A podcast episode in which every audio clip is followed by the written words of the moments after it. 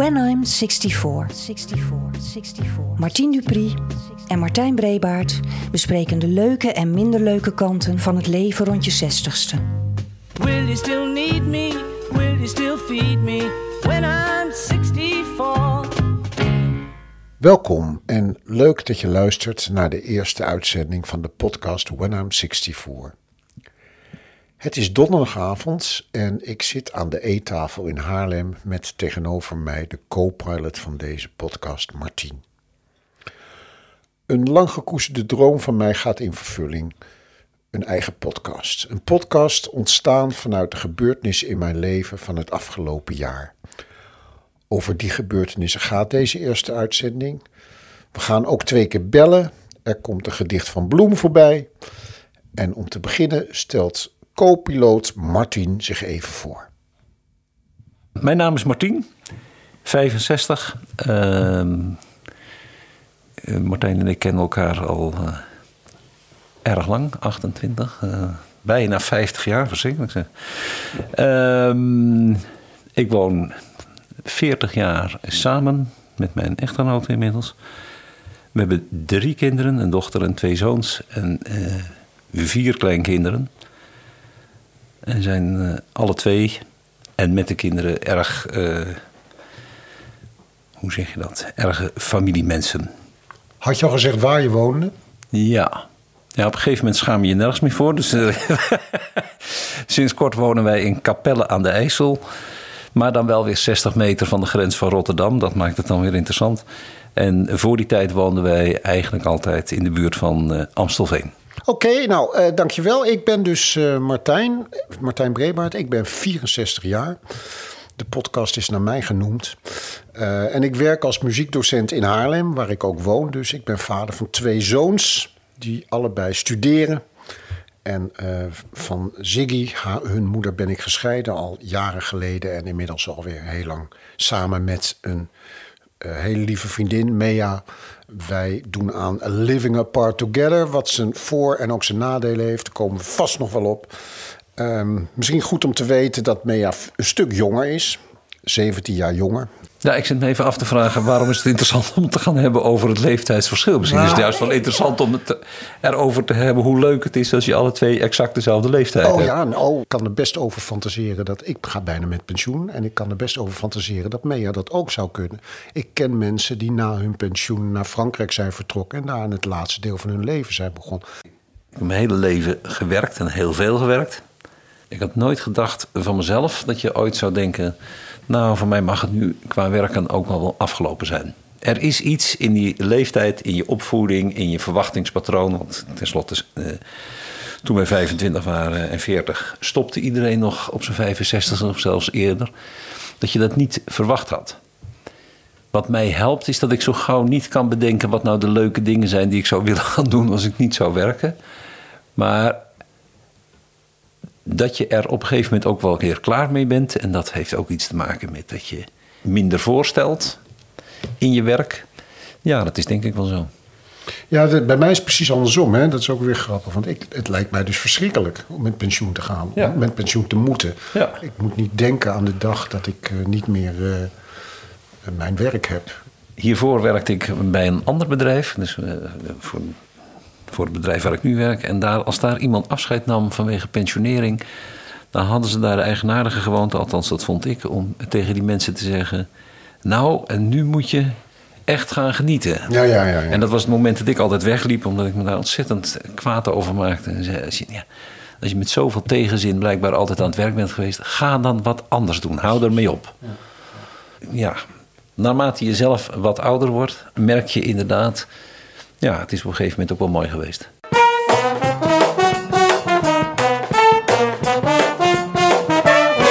Waarom nou deze podcast? Um, verleden jaar, rond deze tijd, uh, had, ja, voelde ik me eigenlijk plotseling niet zo goed. En um, ik wist niet wat dat was. En via de huisarts uh, is er toen een hartonderzoek gedaan. En dat was allemaal prima. En een longonderzoek gedaan. En dat was allemaal wat minder. Daar kwam een COPD uit in een heel vroeg stadium kan je heel oud mee worden. Maar het werd me wel te verstaan gegeven dat ik onmiddellijk moest stoppen met roken, omdat ik anders in een heel ander circuit terecht zou komen. Um, Nou was ik een forse roker geweest vanaf mijn veertiende. Dus dat, ja, dat viel al niet mee. Dat je dan van het een op het andere moment echt moet stoppen met roken. En bovendien, voor het eerst werd ik geconfronteerd met een ziekte die niet meer over zou gaan. Had ik eigenlijk nog nooit gehad. Ik ben natuurlijk wel vaker ziek geweest, maar dan nam je een pilletje en dan uh, werd je weer beter. Of je, je deed iets anders. Of je, je had wat meer uh, wat fruit enzovoort. Maar dit was heel duidelijk. Je hebt COPD, komt ook niet meer goed. Dat vond ik, dat vond ik, wel, een, uh, vond ik wel een dingetje, eerlijk gezegd. Um, en, ik, ik, heb het alleen met mijn uh, zwaarlijvigheid. Ja, ja. Dat vrees ik. Dat, dat houdt natuurlijk nooit meer op totdat ik de ziekte heb... waardoor de zwaarlijvigheid ja, van je Ja, maar je zou er wel... Hè, als, je, als je een enorm streng dieet zou volgen... zou je er nog wel iets aan kunnen doen, toch? Ik denk een paar jaar geleden nog wel gedaan, ja. Maar en hier ik denk was dat... gewoon echt niets aan te doen. Nee. nee ik, ik, ik vind het al zo dapper dat je naar zo'n dokter durft te gaan. Ik moet er al niet aan denken dat je in zo'n circuit terechtkomt. Mijn hart was goed. God, het wachten op uitslagen en zo. Wat een ellende. Oh ja, dat is bij mij precies andersom. Uh, ik weet van, van Mea, die is in staat om uh, kleine dingetjes zo mega groot te laten worden, omdat ze niet naar de dokter durft. Ja, ja. En dan is dus de angst voor wat je mogelijk hebt, is vele malen erger dan uh, de diagnose die je krijgt. Dus ik wilde juist heel graag zo snel mogelijk weten wat er aan de hand was, zodat je dat in ieder geval weg kunt strepen, ja. zal ik maar zeggen. Doing a garden, digging the weeds. Who could ask for more? Will you still need me? Will you still feed me when I'm 64?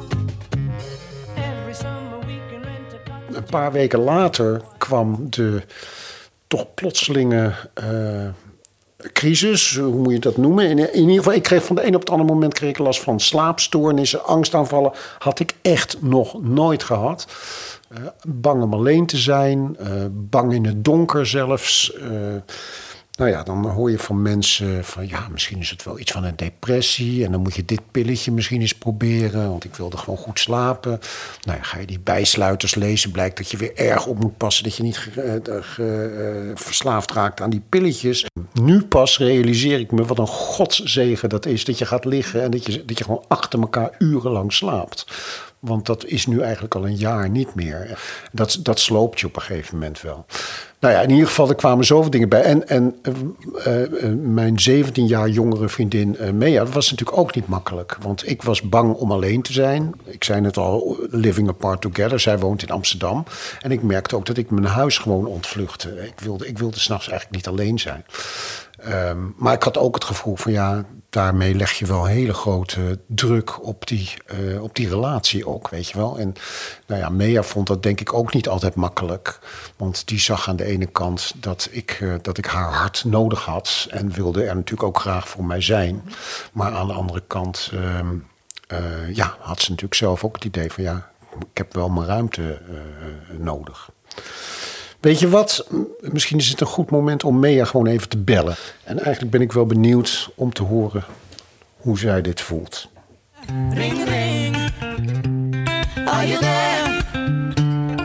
Hello, hello. Are you there, you there, you there? Ring, ring. Met Mea. Hey liefie, met mij. Um, ik uh, zit hier met uh, Martien. nou ja, we zijn dus met die podcast bezig. En we hebben het even over ja, het moment dat onze relatie toch wat onder spanning kwam te staan. Ja. Um, en ik heb net een beetje mijn verhaal verteld. Maar ik ben eigenlijk ook wel heel benieuwd naar hoe was dat voor jou? Want opeens merkte je aan de ene kant dat ik je veel harder nodig had dan voor die tijd waarschijnlijk. Um, en je wilde er voor me zijn, maar je had natuurlijk ook met jezelf te maken. Ja. Vertel, vertel. Het was natuurlijk coronatijd, wat voor iedereen natuurlijk uh, niet de makkelijkste periode is geweest. En uh, dat online lesgeven wat uh, van ons verwacht werd, dat kwam er allemaal bij. En jij ging dus niet goed. En ja, het, het, ik denk dat op het moment dat je merkt dat je, dat je partner of je lief paniek heeft dan, dan wil je daar kunnen zijn. Of dan wil je daar zijn. Eigenlijk ten koste van alles. Maar uh, ja, op, sterker nog, als, als je hoort dat iemand momenten heeft van eenzaamheid, dat is heel, ik vond dat heel moeilijk. Ik vond dat heel erg om te horen. en daarmee leg je jezelf dan ook op, denk ik, dat, je, dat, dat je alles moet oplossen. Of, of dat je. Want in coronatijd kon je al niet veel. Ehm, als, als hij maar niet in paniek is, voelde ik soms. Of mhm. zou hij nu in paniek zijn? Ehm, waardoor ik, ja, als, je in als inderdaad de vraag is: wat heeft dat met jou gedaan? Ja, ik, ik, ik, heb, ik heb dat soms wel moeilijk gevonden. Om, om, om dan de eigen ruimte ook te durven kiezen. En, en, en ja, om dat te benoemen. Want, want als iemand in paniek is, dan, dan, dan wil je er gewoon zijn. Dus dat, dat, dat duw je lang weg en dan ga je door en dan ga je door. En uh, ik denk dat daar op een gegeven moment een, een crash is geweest. Dat ik het gevoel had, ja, ik, ik kan niet meer alles, alles oplossen. En, en ik had op een gegeven moment ook het gevoel dat het op een bepaalde manier niet helemaal genoeg was wat ik deed. Omdat ik toch bleef horen dat, dat, het niet, dat je niet lekker in je vel zat ja, ik heb wel momenten gevoeld ook dat ik, dat ik, dat ik dacht, uh, die depressie, wie ben jij en, en, en wat heb je met Martijn gedaan? Ja. Waar is, de, waar is de echte Martijn? Ja, dat heb ik wel op een gegeven moment gevoeld. En dat doet ook wel iets natuurlijk met je, met je, met je, met je relatie zo. Ja, te meer omdat ik, dat voelde ik natuurlijk ook wel. En ik heb ontzettend geprobeerd om nog de oude Martijn te zijn. Hè, weet je wel? Terwijl ik dat natuurlijk ook misschien niet waar kon maken. Dus dan krijgt het daardoor ook nog eens een keertje wat geforceerd. Ik had ook, ik bedoel, begrijp heel goed dat jij nu zegt van ja, je, je, was eigenlijk, je vroeg eigenlijk te veel van me. Terwijl ik juist dacht van nou ja, ik voel me vanavond heel erg alleen, maar laat ik Mea maar niet gaan bellen. Want, snap je? Dus ik, ik probeerde daar al rekening mee te houden. Kan je nagaan? Het was een moeilijke tijd. Zeker. En ik denk, dat het, ik denk ook dat het versterkt is door uh, ja, misschien ook wel het leeftijdsverschil. Omdat je, je, wordt natuurlijk wat ouder, je gehoor gaat, ging achteruit. Uh, het werd, het werd, werd, letterlijk stiller in huis. Die jongens waren weg. Uh, door corona was iedereen meer thuis, dus dat is misschien ook nog versterkend. En dan misschien dat je, dat je juist ook wil, niet wil laten zien dat je, dat je, dat je wat ouder wordt. Hè? Mhm. Omdat je misschien een wat jongere partner hebt. Ja, dat kan misschien ook weer een soort paniek veroorzaakt hebben. Het, het was, er kwam ook heel veel tegelijk. Ja. Volgens mij is een emotie die ook wel bij je opgekomen moet zijn uh, woede. Nou, dat was vooral op het eind. Dat, dat, dat er echt een soort crisis kwam. Want uh, ik heb natuurlijk ook hartstikke veel fijne momenten samen met Martijn toen gehad. Juist omdat we met z'n tweeën konden zijn hè, in die coronatijd. Ja. ja. Maar uh, dit, als dit, er, dit, dit ging natuurlijk zo'n grote uh, spoor trekken toch. Omdat het te, mhm. lang, te lang zo was. Ja, ik heb wel aan het eind heb ik ook wel woede gevoeld. Dat ik dacht van ja jeetje, ik, ik probeer naar alle eer en geweten te zijn waar ik er kan zijn. Mm en, en toch hoor ik nog steeds dat je eenzaam bent. Of uh, snap je? Dat trek je je dan toch aan. Ja, ik, ik, ik reageer juist op het woord eenzaam. En, en ik heb dat natuurlijk met Martijn ook gehad. Ja. Dat je denkt, ja, godverdomme, als dat mag bij een podcast. Ja. Bel dan ook eens een keer op. Laten we iets afspreken. En dat, dat is bij jou natuurlijk nog veel, uh, nog veel intensiever. Dat je denkt, ja, dat is leuk, ik heb een partner en die zegt dat hij eenzaam is. Ja. Dat reflecteert natuurlijk op jou. Ja. En omdat je hem niet 100% kunt helpen, dat, ik denk dat iedereen dat om zo iemand heen heeft, hè, dat is niet exclusief voor Martijn, voel je je natuurlijk tekortschieten of ja. tekortkomen. Ja, terwijl je wel alles probeert te geven. Ja. Zolang je het paniek noemt, dan is het iets van de ander, waar jij niet direct bij betrokken bent. Hè, dan kun je alleen helpen. Ja. Maar op het moment dat de, de, de kaart eenzaamheid of eenzaam wordt getrokken, dan voel je natuurlijk, voelt de ander zich ook aangesproken. Ja, ik, eh, ik vond dat echt heel naar om te horen. Ja, dat, dat, dat volgens mij maakt dat een eh, wezenlijk verschil. Ja. Absoluut, dat is ook zo. In het ene geval ben je een soort uh, zuster die kan uitrukken. Ja, inderdaad. Ja, Je kan met een glaasje sinaasappelsap aankomen zetten. Maar, maar hoe is dat dan, dan nu? Want volgens mij maar dat mag Martijn zelf uh, uh, melden. Volgens mij zit er nu tegenover mij iemand die vindt dat hij een ander is dan een jaar geleden.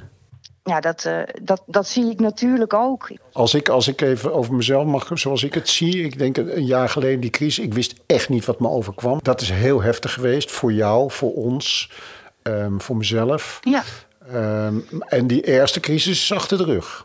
Maar, en ik denk dat Martien dat bedoelt, de, de, de, ik ben weer veel gezonder tussen aanhalingstekens, maar er zijn wel dingen veranderd. Dat geloof ik ook wel. Een van de dingen die ik bijvoorbeeld merk is dat ik het wel lastiger vind om alleen te zijn. Ja. En dat blijft natuurlijk binnen onze constructie Living Apart Together, blijft dat wel een lastig dingetje Ja. af en toe. Ja, Het is alleen veel minder paniekerig geworden. Die paniek is weg. ja, Je bent niet meer, dat is denk ik het grote verschil. Als je net die paniek krijgt en je weet niet wat het is, dan. dan je, je wordt totaal overmand door die, Ja, door die paniek. Paniek is alles. Ja. Totdat je op een gegeven moment merkt: oh, maar wacht even. Je, hè, als je daar enigszins buiten staat, dan denk je: dit is een moment. Zoals je bij een, eh, bij een training van eh, eh, mindfulness te horen krijgt: de lucht is blauw. En die lucht is blauw, maar er komt een grijze wolk voor. Ja. Dat is een enorm verschil. Dat je het idee hebt van: oké, dit is heel naar, maar dit gaat over. ja. Dat is wel veranderd.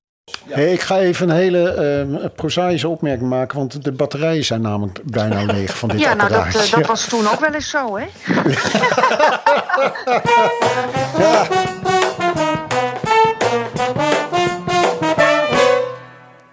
Kortom, het ging allemaal niet zo lekker en eh, ik ontdekte dat ik daar in eentje niet uit zou komen. En gelukkig kon ik toen terecht bij Francisca Kramer. En Francisca Kramer is een psychologe in Bloemendaal en ook haar mocht ik even bellen. Ring ring. Are you there?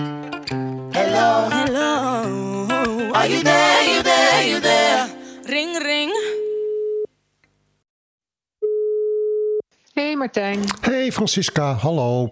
Hallo. Wat hartstikke fijn dat ik je eventjes mag eh, lastigvallen. Ja, tuurlijk. Ik vind het leuk om aan mee te werken. Oké. Ik heb net dus een beetje het verhaal verteld over wat er aan de hand was. Totdat ik dacht, eh, ik kom er alleen niet meer uit. En ehm, Ja. toen kon ik gelukkig bij jou terecht. Eh, ik had zelf het gevoel dat ik behoorlijk in de war was toen ik bij jou aanklopte. Wie zag jij of wat zag jij? En zag jij direct wat er aan de hand was? En zag je ook meteen of je daar wellicht iets in zou kunnen betekenen? Ja, nou, ik herinner me nog heel goed de eerste keer dat je bij mij binnenkwam. En ik heb ook nog even in mijn dossier je aantekeningen gekeken. En daar stond in een intelligente, sensitieve man. die, eh, die COPD eh, heeft, eh, diagnose heeft gekregen. Wat wellicht de trigger is voor eh, eh, angst. En dat in combinatie met de jongste zoon die uit huis is, dat er een soort rouwverwerking eh, op gang komt.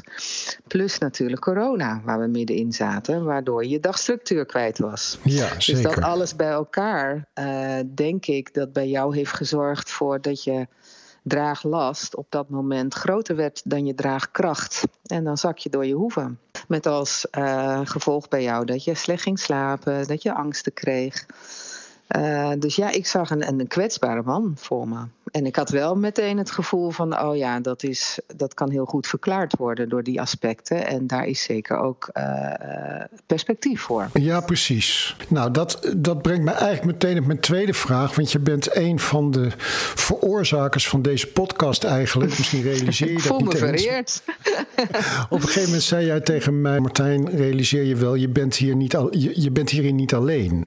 En dat is een opmerking die op dat moment hard binnenkwam, omdat je je natuurlijk ja, eigenlijk juist behoorlijk eenzaam voelt dan. Ja. Ehm, maar ik vroeg me eigenlijk af, ehm, is er wat bekend over mensen die op wat voor manier dan ook hulp gaan zoeken omdat ze er zelf niet meer uitkomen? Nou, cijfers over hoeveel mensen hulp zoeken eh, rondom die leeftijd heb ik niet paraat. Ik weet ook niet of ze er zijn. Maar wat wel bekend is, is dat iedere eh, transitie in het leven gepaard kan gaan met rouw. En pensioen, hè, wat er aankomt, of ouder worden, maakt dat je geconfronteerd wordt met een bepaalde eindigheid van je leven, maar ook eindigheid van je functie in de maatschappij.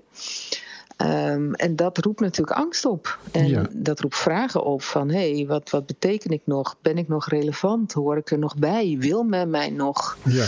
En wat eerst vanzelfsprekend was... ik weet nog dat jij tegen mij zei... ik ben in twee dingen goed docentschap en vaderschap. Mhm. En als die twee dingen dan wegvallen, of in de nabije toekomst gaan wegvallen, ja, dan is het natuurlijk heel logisch dat je gaat nadenken van hé, hey, wat, wat, wat heeft mijn leven dan eigenlijk nog voor zin? Om het even helemaal gechargeerd te zeggen. En het is heel bekend dat, dat mensen worden, die ouder worden allemaal tegen dit soort dingen aanlopen. Allemaal gaan hun kinderen de deur uit. Bij allemaal uh, houdt het werk op een gegeven moment op. Ja. Wat voor werk je ook gedaan hebt. Dus dan ben je eigenlijk um, aan de ene kant met een soort rouwverwerking bezig. Maar je probeert Ja. natuurlijk ook een, een nieuwe um, ja, levensinvulling te vinden. Of een, of een levensdoel, zou ik maar zeggen.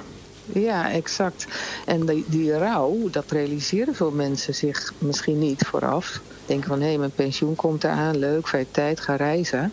Maar er komt zoveel meer bij kijken. En die rouw moet wel verwerkt worden en aangegaan worden. En lang niet iedereen vindt dat leuk om opeens aan die kant van de streep te staan. En iedereen gaat natuurlijk met pensioen op een gegeven moment. Hè? Dus iedereen gaat die rouw ook in. Ja, en dat duurt langer dan je misschien wel denkt. Ja, er zijn mensen die uh, heel makkelijk afscheid nemen, maar de meeste mensen hebben echt moeite met zo'n lifequake. Ik, uh, ik, er is een journalist uh, in Amerika die heeft een boek geschreven, een onderzoeker van Harvard. En die noemt dat dit soort dingen, dus, dus grote veranderingen in je leven, een lifequake. Hè, in plaats van een aardbeving, een levensbeving. Ja. En dat duurt tijd, dat, dat kost tijd om dat te verwerken. En je zegt het zelf al, vervolgens eerst verwerken en dan een nieuwe invulling gaan vinden. Ja.